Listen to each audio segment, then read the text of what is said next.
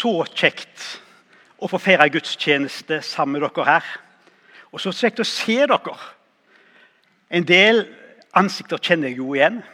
Det er jo veldig hyggelig å se dem igjen. For vi treffes ikke alltid så ofte da, når vi er på gjerne ulike ja, menigheter og sånne ting. Jeg hører til i Nordre misjonskirke. Eh, og så er det enda hyggeligere på en måte å se dere som ikke jeg kjenner. For det tyder jo på at eh, her er det nytt liv, nye mennesker, og det er bevegelse. Sånn skal det være i en menighet. Så veldig, veldig kjekt å være i lag med dere.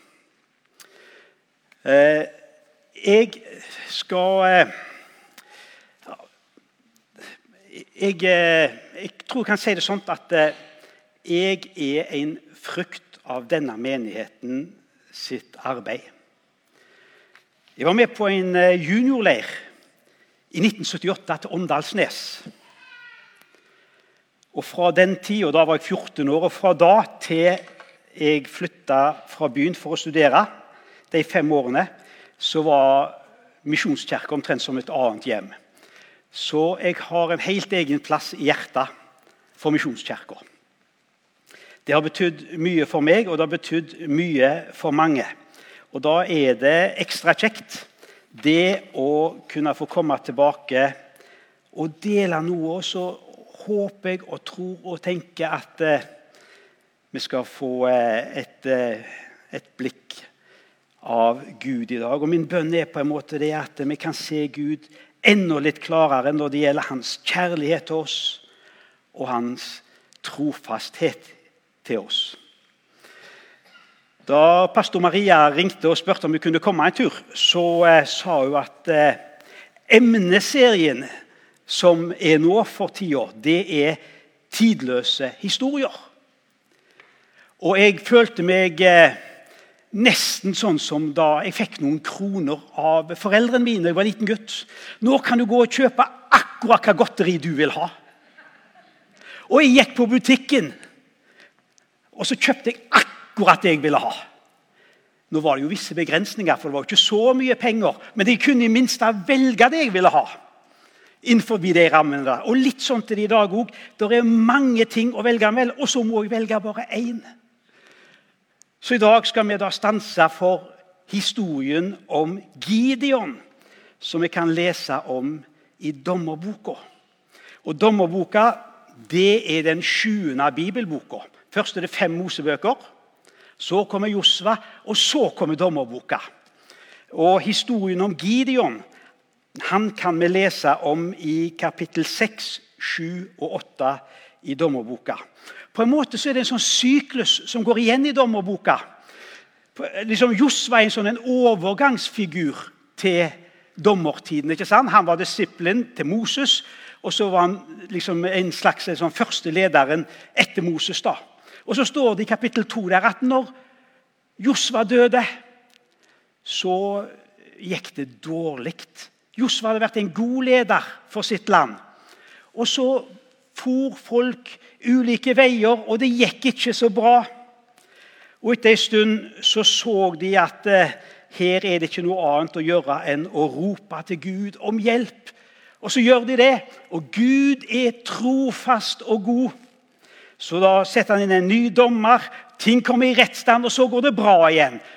Og så går det igjen og igjen og igjen. Sånt er det i de 21 kapitlene som er i dommerboka. Men jeg tenker, vi kan lese litt direkte det har kommet allerede litt på veggen, hvordan det var den tida da Gideon eh, levde i Israel. Gud brukte, eller Det, ble nemlig, det var midjanittene, det var det folkeslaget som plaga israelittene veldig mye på den tida. Og midjanittene beholdt makten over Israel. For å komme unna Midjan laget Israel seg de tilfluktsstedene som er i fjellene, både i huler og fjellborger. Hver gang israelittene hadde sådd, kom midjanittene, amalekittene og folk fra øst og gikk til angrep på ham på dem. De slo leir midt imot israelittene, ødela avlingen i landet helt bort til Gaza. De lot ikke bli noe igjen å leve av i Israel. Ikke en sau eller en okse eller et esel. For de kom med buskap og telt som svermer av gresshopper. Det var ikke tall på dem og kamelen deres. De kom for å ødelegge landet. Israel ble helt utarmet av midjanittene, og israelittene ropte til Herren. Sånn var det på den tida, da Gideon levde. Og de så på en måte ikke lyset. Det var krevende. Midjanittene de var mange, de var sterke og mektige, mens israelsfolket de var motløse, sultne og desillusjonert. Man skulle gjerne ønske at eh, man kunne lære av historien. ikke sant? Sånt hadde det vært før. Det hadde jo skjedd før dette. Men det er ikke alltid sånn at man lærer. Men så er det jo godt, da, som det står i Guds ord, at sjøl når vi er troløse, så er Han trofast. Og jeg tenkte Vi skulle ta et par vitnesbyrd om det, ett fra Gamle og ett fra Nye testamentet. Hør bare hva det står i Jesaja 41, 10, og jeg bare siterer for deg. Vær ikke redd, for jeg er med deg. Se deg ikke rådvill omkring, for jeg er din Gud. Jeg gjør deg sterk og hjelper deg. Ja, jeg holder deg oppe med min frelserhånd. Og I Jakob 4,8 så står det sånn Hold dere nær til Gud, så vil Han holde seg nær til dere. Wow.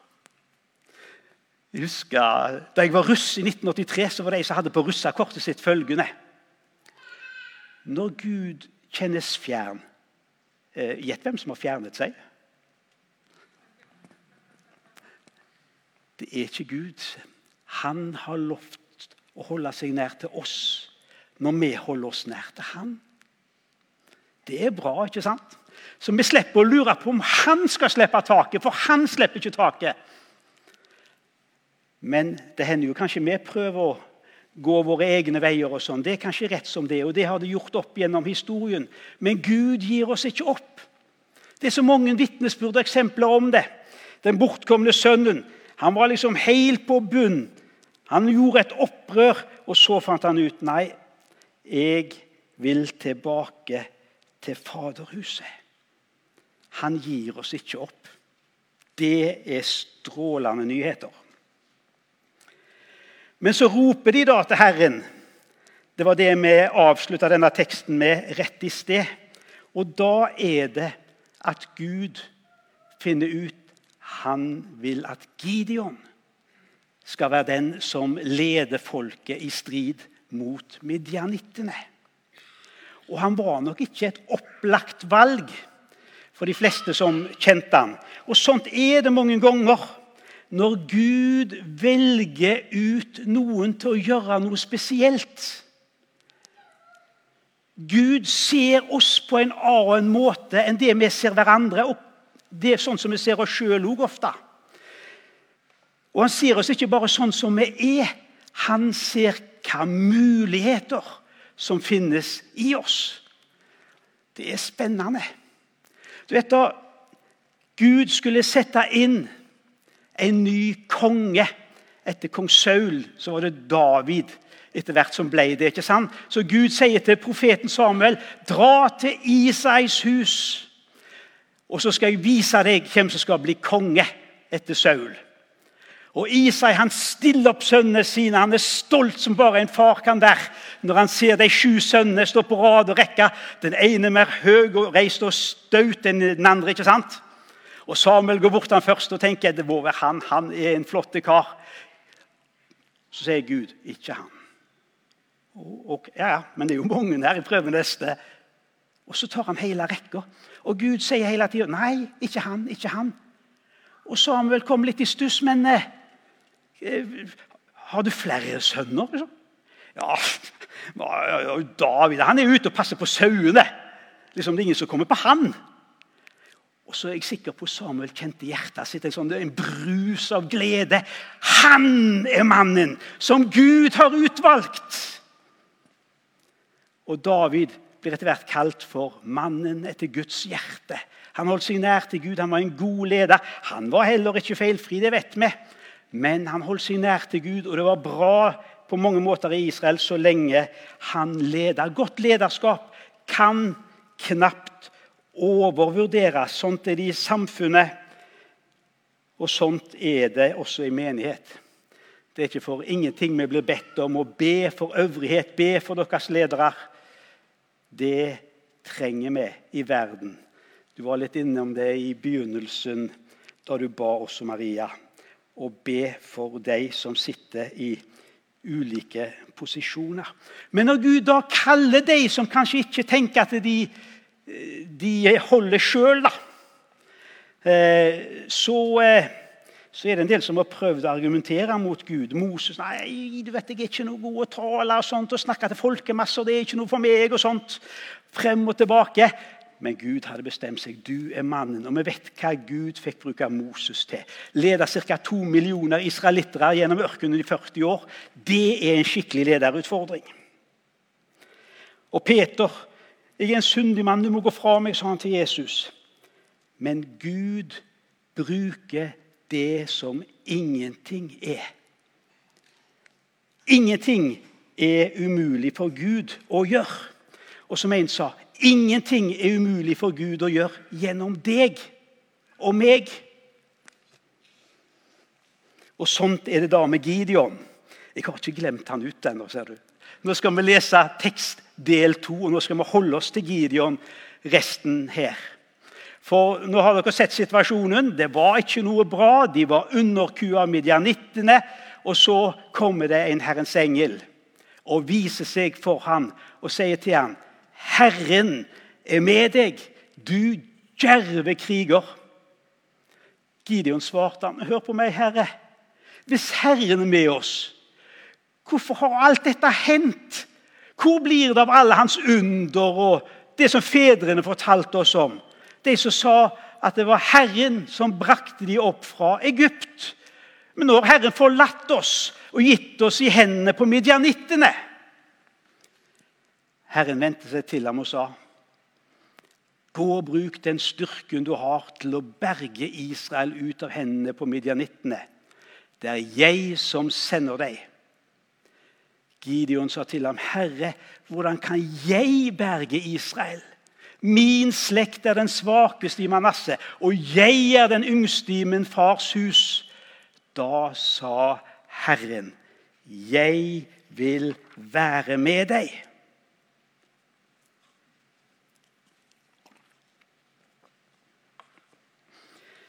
Det er det avgjørende.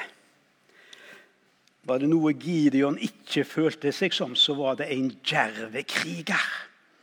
Han var en av de som gjemte seg i hulen når midjanittene kom. Han var motløs, han kjente på alle de følelsene og anfektelsene. Det hadde vært vitnesbyrd fra gammel tid om at eh, Israels folk ble ført ut. Men liksom, hvor er Gud nå?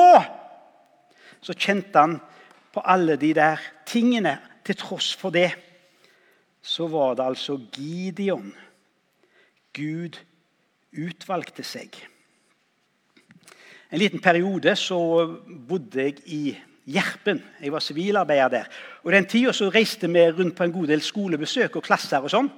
Og I kristendomstimene som de faktisk hadde på den tida på 80-tallet, eh, så fikk vi lov til å komme inn da, og presentere litt hva Misjonskirken var, og litt hva det ville si å tro på Gud og forskjellig. og sånt. Og så I det programmet da, så husker jeg vi hadde et sånt opplegg. Dette var da i Grenland, i Skiensområdet. Og så stilte jeg et spørsmål. Hvilken stormann er det som er født i Skien? Og det svaret vet enhver grenlender med respekt for seg sjøl. Henrik Ibsen, sa de, og de var helt sikre på at de hadde rett. Og jeg sa feil. Det er ikke født noen store menn i Skien, bare små barn. Litt blaut jeg er inni. Den er ikke super, men eh, den får et poeng.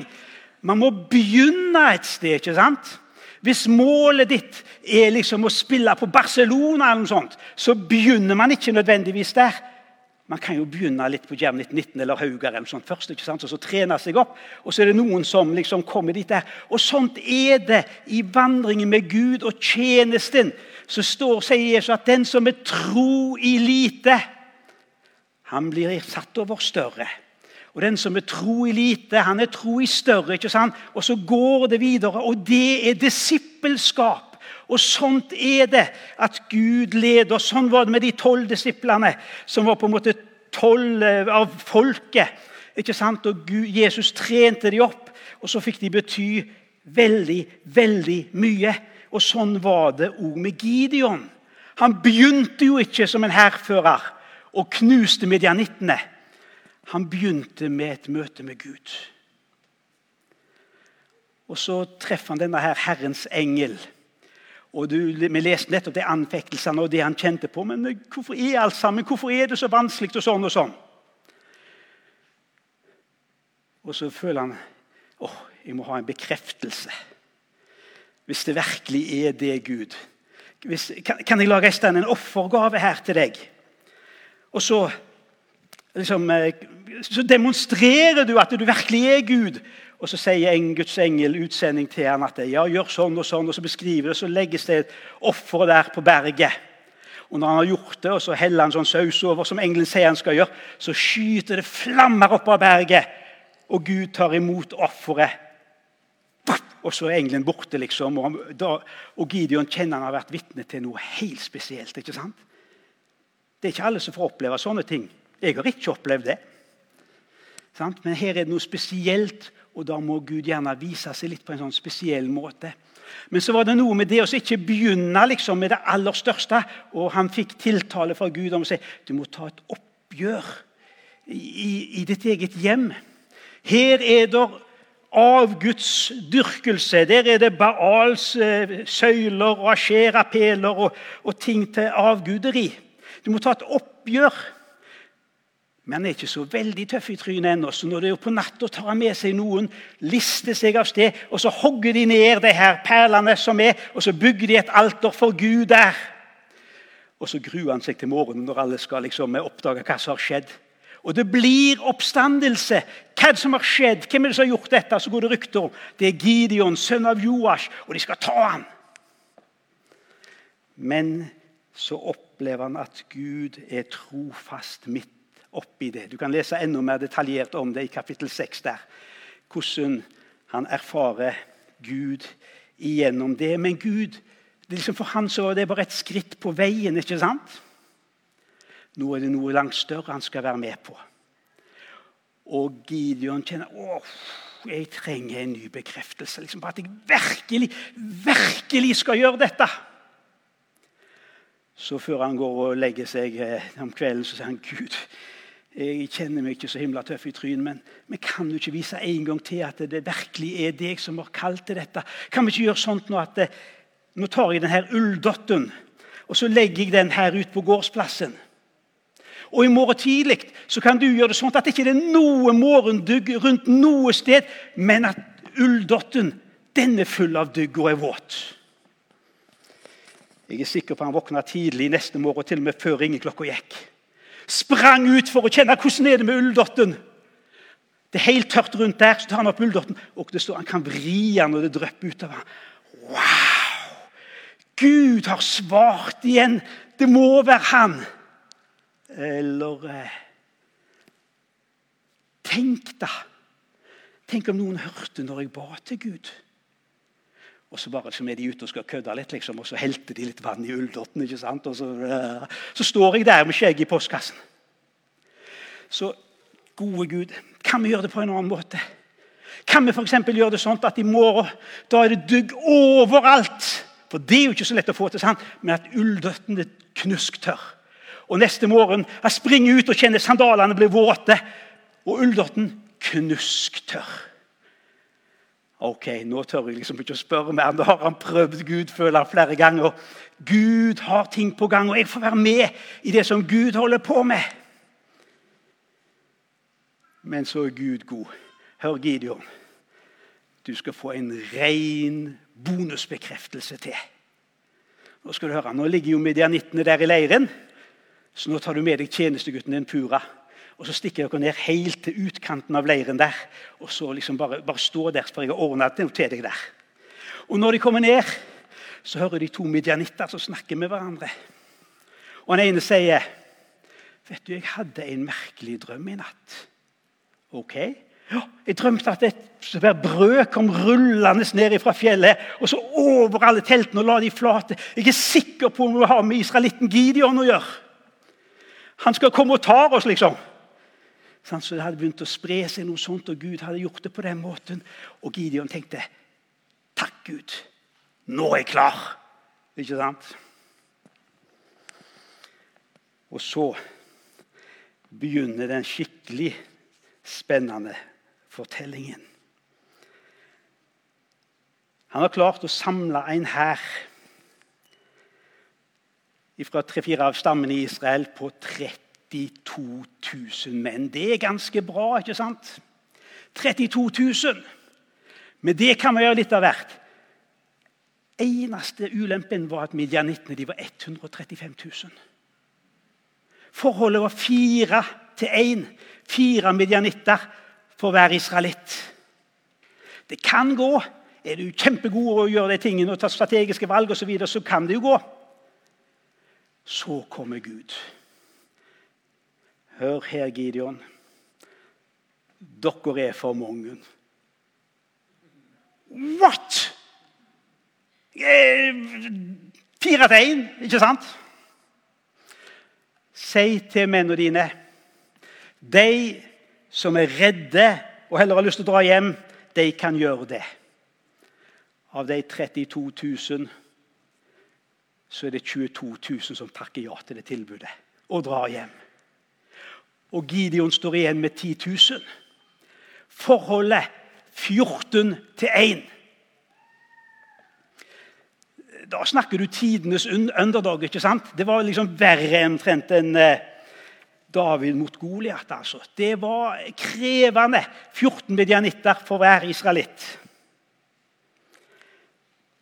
Men tanken som Gud hadde liksom visst dere er så mange, så kan dere ta æren sjøl. Nå skal dere oppleve at det er jeg som initierte her. Jeg går foran dere. Men Gideon, ta mennene dine ned til elva. Dere må slukke tørsten. Så drar de ned, og så drikker de. Noen legger seg ned på alle fire sånn og slurper. Mens noen andre har ett kne i bakken og gjør sånn. Og det ordet som blir brukt for akkurat det, er å leppie, står det da. Jeg, det er ikke et ord som jeg bruker veldig ofte, men det var liksom det som det sto. da. Og av, de, av slurperne, for å si det sånn, så var det 9700. Og av de som gjorde det på den andre måten, var det 300. Jeg er sikker på hva Gideon håpte på nå. Men nei. Gud sier med de 300 skal du gå til strid mot 135 000 medianitter. Da er det godt å ha fått noen bekreftelser på forhånd ikke sant, på at Gud er med. Du kjenner litt på det da. De 9700 blir eh, vinka hjem. Og de 300 får beskjed av en helt spesiell krigsstrategi. Nå deler du denne gruppa i tre, sprer dere rundt leiren, og våpnene det var et horn å blåse i, og ei leirkrukke og en fakkel. Ja da. Så stiller de seg rundt leiren. Og på mitt signal sa Gideon, så skal dere blåse i hornene og knuse krukkene. Da skal dere se hva som skjer. Så gjør de det. Og Det oppstår en total forvirring der i leiren. Og Midjanittene står der, de retter sverdene mot hverandre. Og kort fortalt, da Gideon og de 300 mennene